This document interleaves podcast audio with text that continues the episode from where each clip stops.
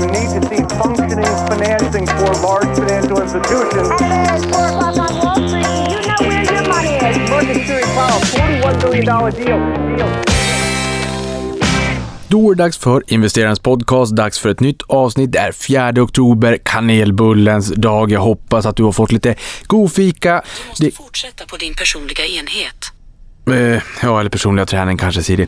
Det är ju trevligt kanske med lite multipel expansion kring midjan när vi har sett väldigt mycket multipel kontraktion i portföljen. Frågan är ju naturligtvis om vi bara har sett multipel kontraktion på börsen eller om man också faktiskt har tagit hänsyn till förväntat fallande vinster. Det är ju väldigt, väldigt snart dags för rapportsäsong för det tredje kvartalet. Vi är inne i Q4 nu. Vi stängde september här eh, förra veckan. Det blev ju väldigt tråkigt i och för sig eh, i slutändan. Veckan bjöd på en uppgång på 0,6% för OMXS30 och 0,63% för OMXSGI. De ryggade i, i princip eh, varandra får man väl säga. Men september bjöd på ett nytt årslägsta. Ehm, sist var det ju, eller senast ska sägas, var det ju första juli som bjöd på årslägsta. Som vi kommer ihåg, börsen började starkt det här året. Nytt all time high 4 januari. Vi var dessutom en av de bästa börserna i världen i, i början på förra året. Men nåväl, all time high 4 januari. Sen började det vika, man oroade sig för inflationen, centralbankerna. Fed hade ju aviserat redan i november i fjol att vi ska göra det som krävs för att tämja inflationen.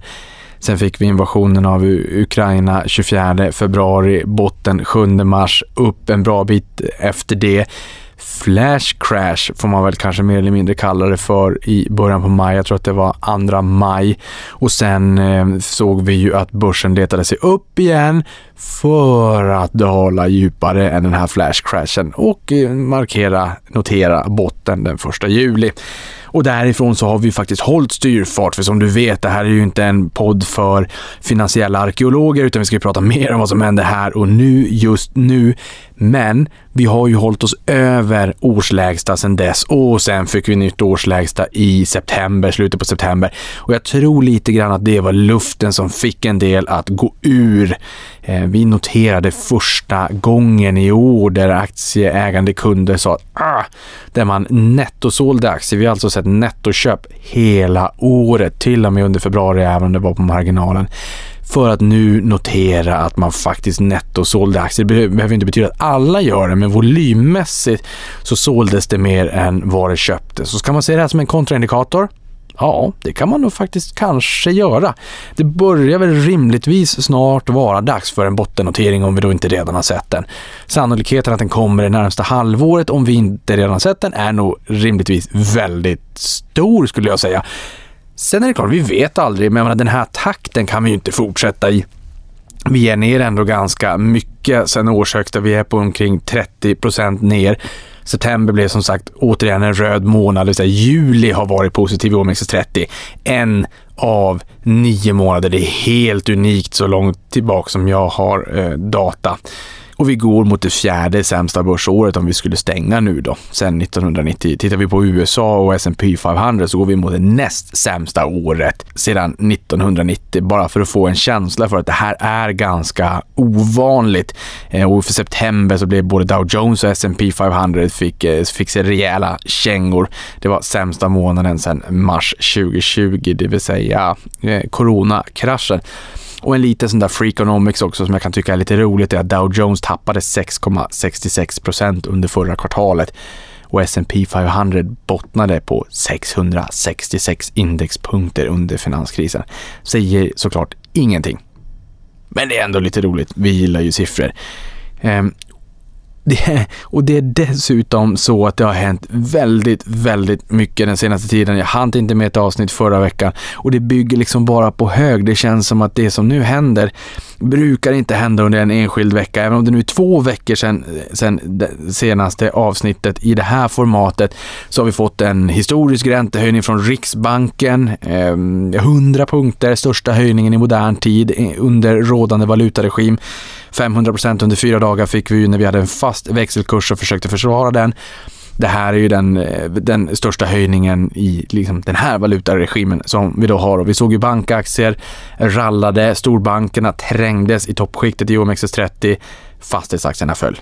Eh, och ganska rejält, en 6, 7, 8, 9, nästan 10 procent var det någon som var nere också.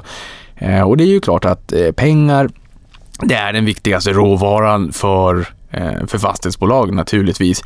Och nu stiger räntan, nu stiger priset på pengar och det gör ju att Eh, fastighetsbolagen får lite tufft. Å andra sidan, tittar vi på Crex eller Carnegie Real Estate Index så ser vi att det är ner ehm, ja, vi är inte långt ifrån 60 procent ner och tar vi i, i en jänkares ögon, alltså i dollartermer, så är vi väl snart närmare 70 procent ner. Så att någon gång måste det klia i, i fingrarna, tänker jag. Sen har vi också Dow Jones, världens äldsta börsindex som man då fortfarande använder, anno 1896. Björnmarknad. Fast jag kan ändå tycka så här, ja, om man nu har varit nära att harva björnmarknad eh, och en björnmarknad är inte så här dels vanlig i USA, den är nog vanligare i Sverige, det svänger lite mer här, men det är ju, det, det, liksom, det är ju inte unikt heller. Eh, det är lika bra att vi har tagit den kan jag känna. Och sen den typen av nedgångar som vi nu ser med en 30, 33, 32, 33 procent på breda börsen. Det är inte vardagsmat. Det här är ganska ovanligt. Jag vill inte om fem år blicka tillbaka på den här perioden och känna varför drog jag inte nytta av det här? Jag vägrar att låta det hända och därför, speciellt med den här nedgången i ryggen, så kan man inte bli annat än positiv. Och sen vet vi inte. Det kan ju vara så att börsen fortsätter ner i ett antal månader till. Eller som jag sa nyss, att vi ska sätta botten inom sex månader. Det känns väldigt rimligt kan jag tycka. Även om vi då inte vet någonting om, eh, om framtiden. Men om historien får vara någon form av guidning. Vi kommer ihåg finanskrisen ner 473 dagar, IT-kraschen ner 947 dagar. Och jag kan tycka att det är intressant också att börsen i Sverige vek ner från 13 juli 2007 till 14 september 2008 med 37 procent. Vi är inte jättelångt därifrån. Och sen dagen efter, 15 september, många av er kommer ihåg vad som hände då. Lehman Brothers tilläts kollapsa. Och därefter var ju eh, paniken ett faktum. Börsen föll ytterligare 32,7 procent under 43 dagar. Sen fick vi en av de största återhämtningarna i mannaminne. Och där kan du ju fundera på, men vänta nu, vadå, 37 procent och sen 32,7 procent till. Det blir ju inte 58, men 32,7 procents nedgång efter 37 procents nedgång är inte lika mycket såklart som 32,7 procents nedgång från toppen. Siffror. Men Dow Jones här då, eh, ner i björnmarknad, Nike ner 49,7 procent year to date, Intel ner 47, Salesforce ner 43. Sen har vi Chevron som är upp 31 procent. Eh, såklart, det är ju energisektorn har ju varit och fortsatt är en sektor med mycket energi sedan årsskiftet. Nike kom ju också med rapporter. Aktien föll 10% i efterhand och man menade på att lageruppbyggnaden är ganska rejält. Men här så har man ju ändå att eh, den nordamerikanska konsumenten mår väldigt bra, den kinesiska inte lika mycket. Men man menade på att det är liksom försörjningskedjor och få ut det här i distributionsled är en huvudverk, men att Eh, det inte riktigt är konsumenten i, i, lika stor utsträckning och det här hörde vi med Thules vd också, säkert fler vd som jag inte har läst, som jag har missat. Vi kommer att få höra mer om det här i rapportsäsongen i och med att vi då har klivit över till oktober så är det ju snart också dags att få syna rapporterna och då kommer vi onekligen höra mer om det här. kan man ju fundera på hur Dow Jones värderas just nu och på eh, släpande så värderar man till 16,9 gånger, 16 gånger årsvinsten på TTM eller trailing 12 months eller släpande 12 månader och eh, 15,6 på eh, framåtblickande 12 månader. Då. Som om det inte vore nog så har vi haft gasläckor på Nord Stream 1 och 2 som man säger beror på explosioner och det sägs att det mest troligt rör sig om sabotage då, enligt statsminister Magdalena Andersson. Ehm, så det här är ju storpolitik. Och det pågår ju ett eh, hybridkrig på, på eh, väldigt många plan, både i direkt konfrontation i Ukraina, det är ingen som har missat det. Sen har vi energikriget också som vi ser och sen så har vi den här typen av aktioner eh, också. Men marknaden blev ju inte särdeles skrämd här och sen har Ryssland ju också annekterat fyra regioner i Ukraina och eh, som då utgör den största landsstölden sedan andra världskriget.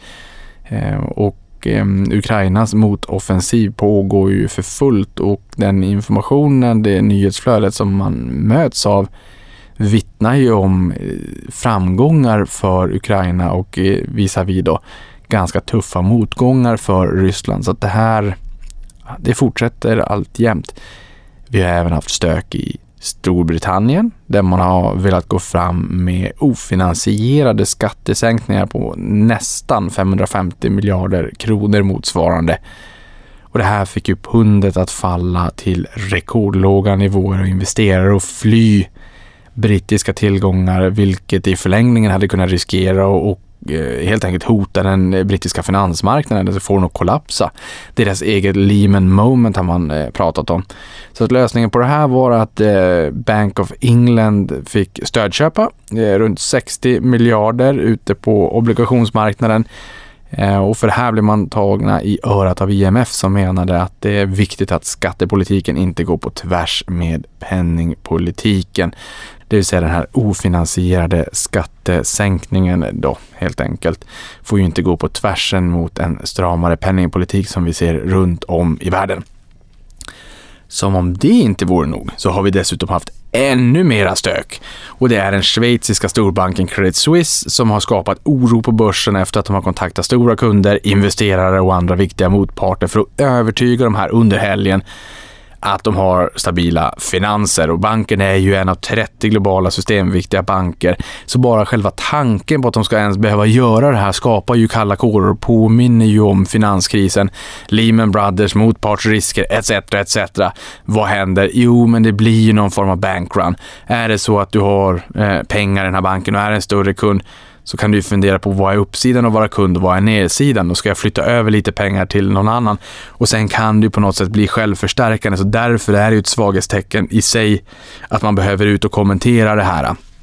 Och då har dessutom skickats ut mejl till personalen också där man menar på att eh, det är inte fara och färd utan våran, våran grund och ekonomiska situation är stabil. Men det här är någonting som marknaden kanske inte riktigt fullt ut köpte eller litade på för bankens CDSer, det vill säga credit default swaps eller finansiella instrument derivat för att försäkra sig om eh, ersättning vid en, en, en betalningsinställelse eller vid en konkurs. De steg till nivåer som vi inte har sett sedan finanskrisen. Så att marknaden är rejält stressad. Priset för att skydda sig mot en eh, betalningsinställelse, en konkurs hos eh, för Credit Suisse har blivit rejält mycket dyrare. Marknaden röstar med fötterna. Man ser klart och tydligt vad marknaden tänker och Eh, tycker. Men Credit Suisse här menar att man vill omstrukturera och lämna skandaler bakom sig. Jag menar här, ett exempel är att det är knappt ett år sedan som hedgefonden Archegos Capital eh, kostade banken 5,5 miljard dollar. Och vi ska komma ihåg att förtroende är en banks viktigaste råvara. Och på något sätt så kan jag känna så här, men lär man sig aldrig? Ehm, är det så att man vill eh, lära sig lite mer och få en inblick i hur det kanske funkar med, i finansbranschen där girigheten råder som mest. Jag säger inte att den gör det på Credit Suisse, ehm, men de har eh, sin fair share av skandaler så, så rekommenderar jag boken Simma med hajar. Och blickar vi då framåt, som sagt, vi är på väg in i en rapportsäsong och det har ju varit en del vinstvarningar här också. Intrum rasade rejält mycket, 18,5 procent på, eller 18,8 procent som mest då efter sin vinstvarning för tredje kvartalet. Där man tog nedskrivningar i spannet 2,9 till 3,3 miljarder kronor. Och här säger man då att merparten av sig värdet på specifika säkerställda portföljer främst relaterade till Italien heter det. Och tror man då liksom att man inte kommer kunna bringa in lika mycket pengar på de här portföljerna som tidigare och kanske speciellt inte när konjunkturen viker, ja men då blir det ju tufft. Då får man skriva ner värdena och dessutom så marknaden är ju lite orolig också för eh, finansieringen för Intrum. Alltså man köper den här typen av portföljer som är ett ben i verksamheten. Det vill säga att, att köpa portföljer med förfallna fordringar och att kunna inkassera det här och få en hygglig avkastning på det egna kapitalet. Men då ska man ju ut med pengar och köpa de här portföljerna också. Och nu har ju som jag sa här tidigare och som du naturligtvis inte har missat, så har ju priset på pengar stigit. Räntan har stigit, marknadsräntan har också stigit, priset på pengar har stigit, vilket gör också att allt annat lika lönsamheten eh, faller helt enkelt. Sen har vi NCC som aviserade att rörelseresultatet för Q3 kommer påverkas negativt av det ekonomiska läget och det här var främst drivet av asfaltsverksamheten inom affärsområdet Industry.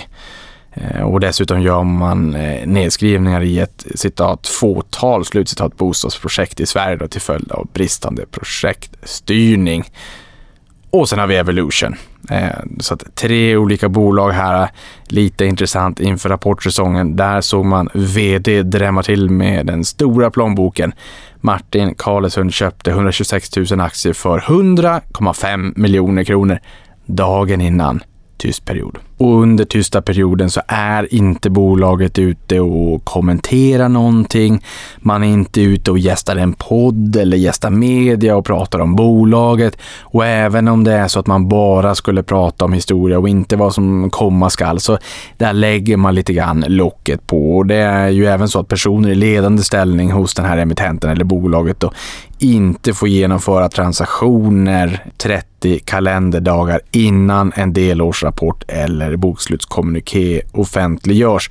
Så att i det här fallet så var ju Evolutions VD ute och eh, det drämde till med det här köpet dagen innan bankdagen där eh, man gick in i tyst period, vilket marknaden visade klart och tydligt att man gillade det här eh, signalvärdet Aktien var upp nästan 16 procent under de två dagarna efter beskedet här då. Sen var TV4 här också förra veckan och ville prata lite grann H&M, vilket jag tycker är intressant. H&M har ju haft sju svåra år. Det är ju sju och ett halvt år sedan aktien toppade 3 mars 2015 på 368,50.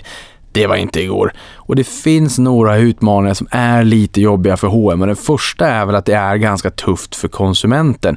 Nu ser vi ju att inflationen undantränger inte minst sparutrymme, men i det här fallet primärt då konsumtionsutrymme. Och det är klart att kläder kommer vi ändå vilja köpa och då kanske vi mera kan kasta blickar mot en aktör som H&M som är, jag ska inte säga inferiör, men kanske kan tolkas lite mera prisvärd då, även om Ehm, e-, en, en hel del yngre människor tycker att eh, modehöjden, modegraden är högre på ett eh, Inditex, det vill säga ägaren till bland annat Sara då, jämfört med H&M. Men nåväl, konsumenten kanske blickar mer mot H&M. Utmaningen är att de ser ju priserna stiga för råvaror, för frakt och starkare dollar.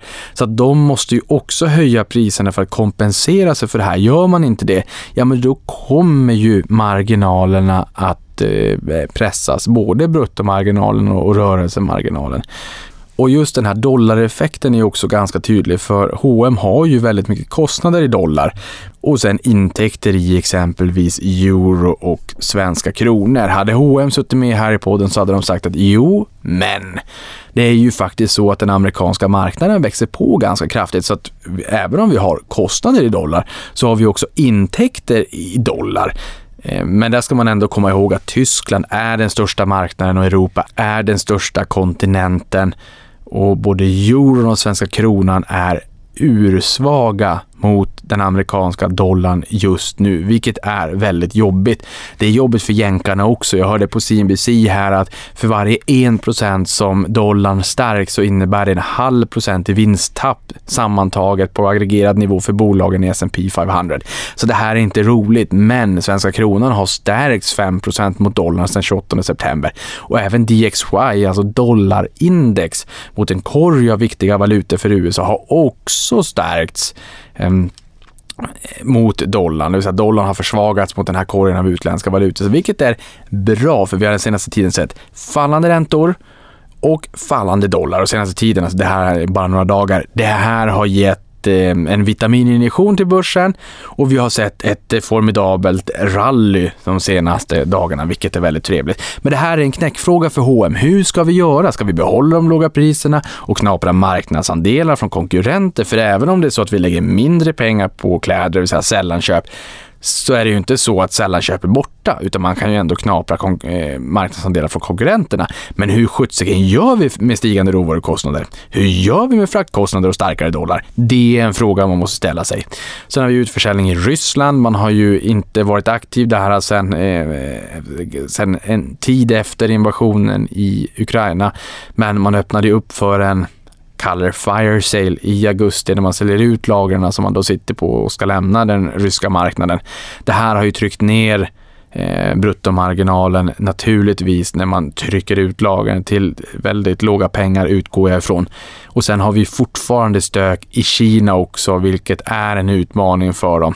Eh, här lyfter man upp i senaste rapporten då att Ryssland utgjorde hälften av resultatminskningen year on year, så att det är en, en ganska stor effekt från Ryssland får man väl ändå säga. Men vi har högt varulager igen. Här menar man på kanske liksom utmanande försörjningskedjor, Vi bygger lager så att vi har lite lager att sitta på så att vi inte är så sårbara där. Men vi har ju varit här förr. Vi har hört det här förut och jag tror det här är lite grann en förtroendefråga också för H&M att man inte riktigt vågar lita på det här. För det var stök för några år sedan med de här höga varulagren. och Man var orolig för inkurans och man var oro, orolig för att man var tvungen att pressa, trycka ut det här eh, via kraftiga rabatter, vilket gör att det är rejält tufft för marginalerna, alltså skapar en marginalpress då. Sen har man ju sagt nu att höstkollektionen har börjat bra, men man har faktiskt sagt det tidigare här också för inte för länge sedan att det går bra, för att sen bara komma med försäljningssiffror som visar att det går inte alls så bra som ni sa att det gick. Och sen har vi också en rabatt mot Inditex, spanska aktören som äger Zara, Massimo Dutti, Pull&Bear med flera. Eh, och där är deras lönsamhet på rörelsenivå dubbelt så hög som H&M och har varit det under ganska många år. Så här får man ju fundera kring hur kan det vara så att deras marginal är så mycket högre eller H&M så mycket mindre? Alltså är de så tunga organisatoriskt? Och nu sjösätter man ett besparingsprogram och jag antar att det är det man faktiskt vill adressera i det här fallet då att vi måste bli en lite mera snabbspringande organisation för man har, man har en utmaning. Och Inditex har för länge sedan valt att gå spåret med olika varumärken. Det har man gjort i H&M's fall lite grann på senare tid också med Kossorna, The Stories, eh, Collection of Style, Arket, eh, Cheap Monday, Monkey och allt vad det heter. Eh, men kanske lite för sent eh, och kanske inte riktigt har bitit på samma sätt. Så det här ska bli intressant att se. Men nu är det som sagt sju och ett halvt år sedan. Börjar väl vara dags för den att få lite vind i seglen kan man väl tycka. Eh, jag tror att de aktieägarna som har övervintrat där i alla fall skulle tycka att det var lite roligt. Jag tycker att de kanske skulle vara lite duktigare på att kommunicera kring det här, för det har ju inte varit deras paradgrej de senaste åren får man väl säga. Nåväl, ett snabbt nyhetssvep. Tesla levererade 343 000 bilar under tredje kvartalet, vilket var färre än förväntat. Analytikerna hade i snitt räknat med 364 660 bilar och bolaget pekar på logistiska utmaningar och säger att det börjar bli allt mer utmanande att hitta transportkapacitet till rimligt pris. Sen har vi Världsbanken som spår att Östasiens utvecklingsekonomier, alltså grannländer till Kina, får bättre ekonomisk eh, tillväxt än Kina i år. Eh, Covid-19 stänger spåren av nolltolerans och fortsatt kris i fastighetssektorn tar udden av tillväxten. Och om det här scenariot slår in så är det första gången sedan 1990 1990. Du hör här att vi har pratat flera gånger om 1990 i det här avsnittet. Det avkastningssiffrorna sedan 1994, det sämsta året för Stockholm sedan 1990 vad det ser ut. Andra sämsta året sedan 1990 för S&P 500 vad det ser ut. Det vill man dra nytta av. Sen har vi en bränslechock för rederikoncernen Gotlandsbolaget som inom kort planerades att noteras på First North, eller fortfarande planerar det såklart. Brant stigande bränsle, bränslepriser har lett till att man nu planerar stora fartygsförsäljningar och eventuella prishöjningar. Eh, och börsplanerna ligger dock fast och det föreligger inget behov av nyemission enligt bolaget. Sen, sen får jag skjuta in en liten apportemission av en utsvävning här också.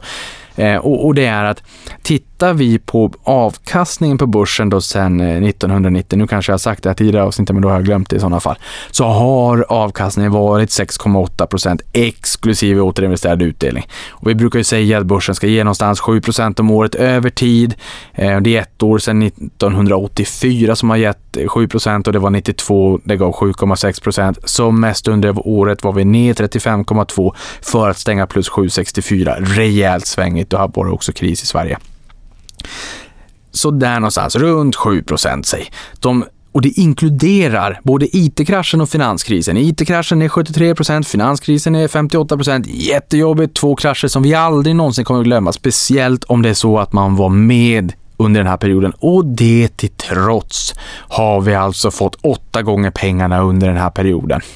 Det är värt att ha med sig, för hade du haft pengarna under huvudkudden sedan 1990 så hade de tappat köpkraft, vilket innebär att 1000 kronor 1990 Eh, motsvarar 1818 kronor idag. Så det du kunde köpa för 1000 kronor då, det behöver du över 1800 kronor för att köpa idag. Om du inte har gett dina pengar rätt förutsättningar att växa, då har värdet urgröps rejält och det är värt att komma ihåg det.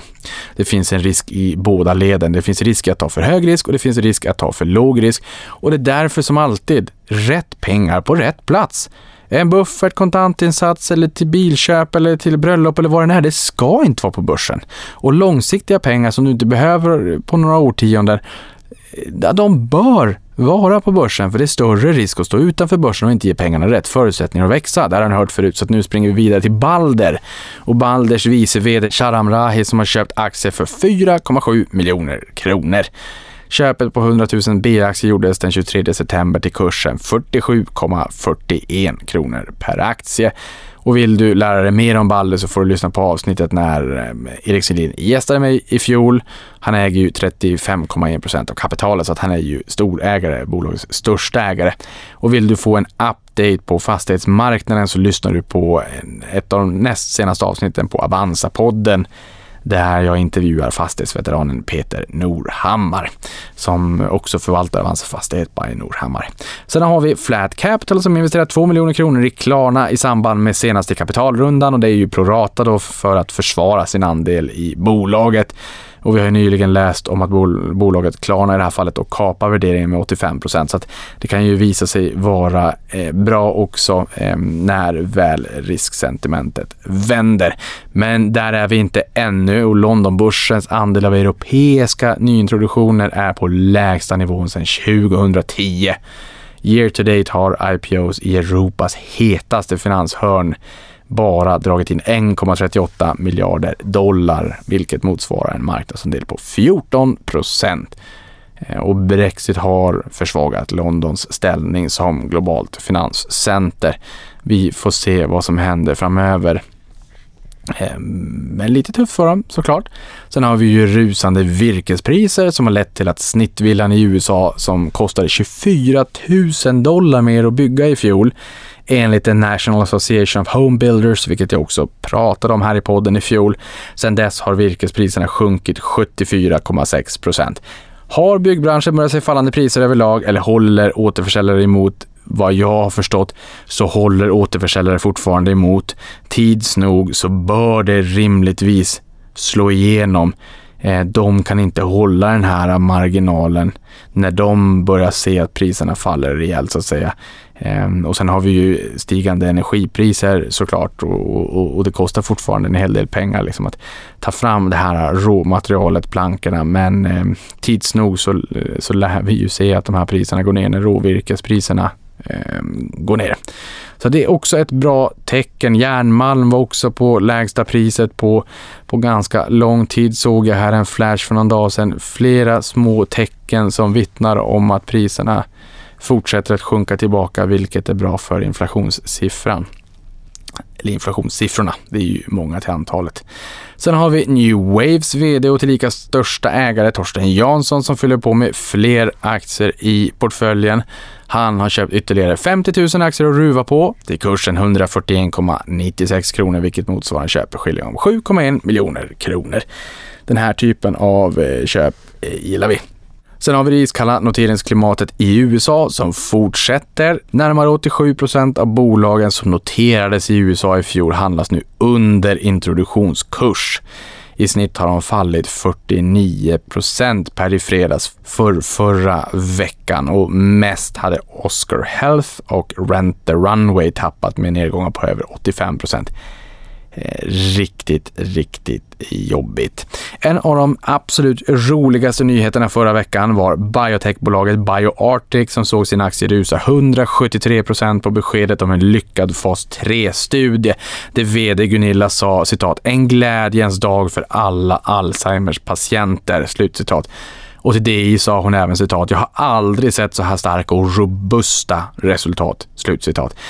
Och Alzheimers, det här är ju en sjukdom jämte många andra som inte bara drabbar patienten utan alla nära och kära, alla runt omkring. Det här är fantastiskt eh, besked till, eh, till mänskligheten för att slippa Eh, Eh, eller åtminstone minska effekten i alla fall, av en fruktansvärd eh, sjukdom. Så att jag äger inte den här typen av, av bolag, jag har inte den kunskapen, kompetensen, men jag blir oerhört glad när man ser den här typen av nyheter som, ehm, som helt enkelt gynnar de många dig som lyssnar på det här, även mig, även om vi inte ruvar på den i portföljen. Och sen sist men inte minst Creades som ökar sitt innehav i sin egen SPAC, Creaspac genom att hanka på sig en halv miljon aktier för omkring 50 miljoner kronor. Köpet gjordes till 89 kronor och 60 öre.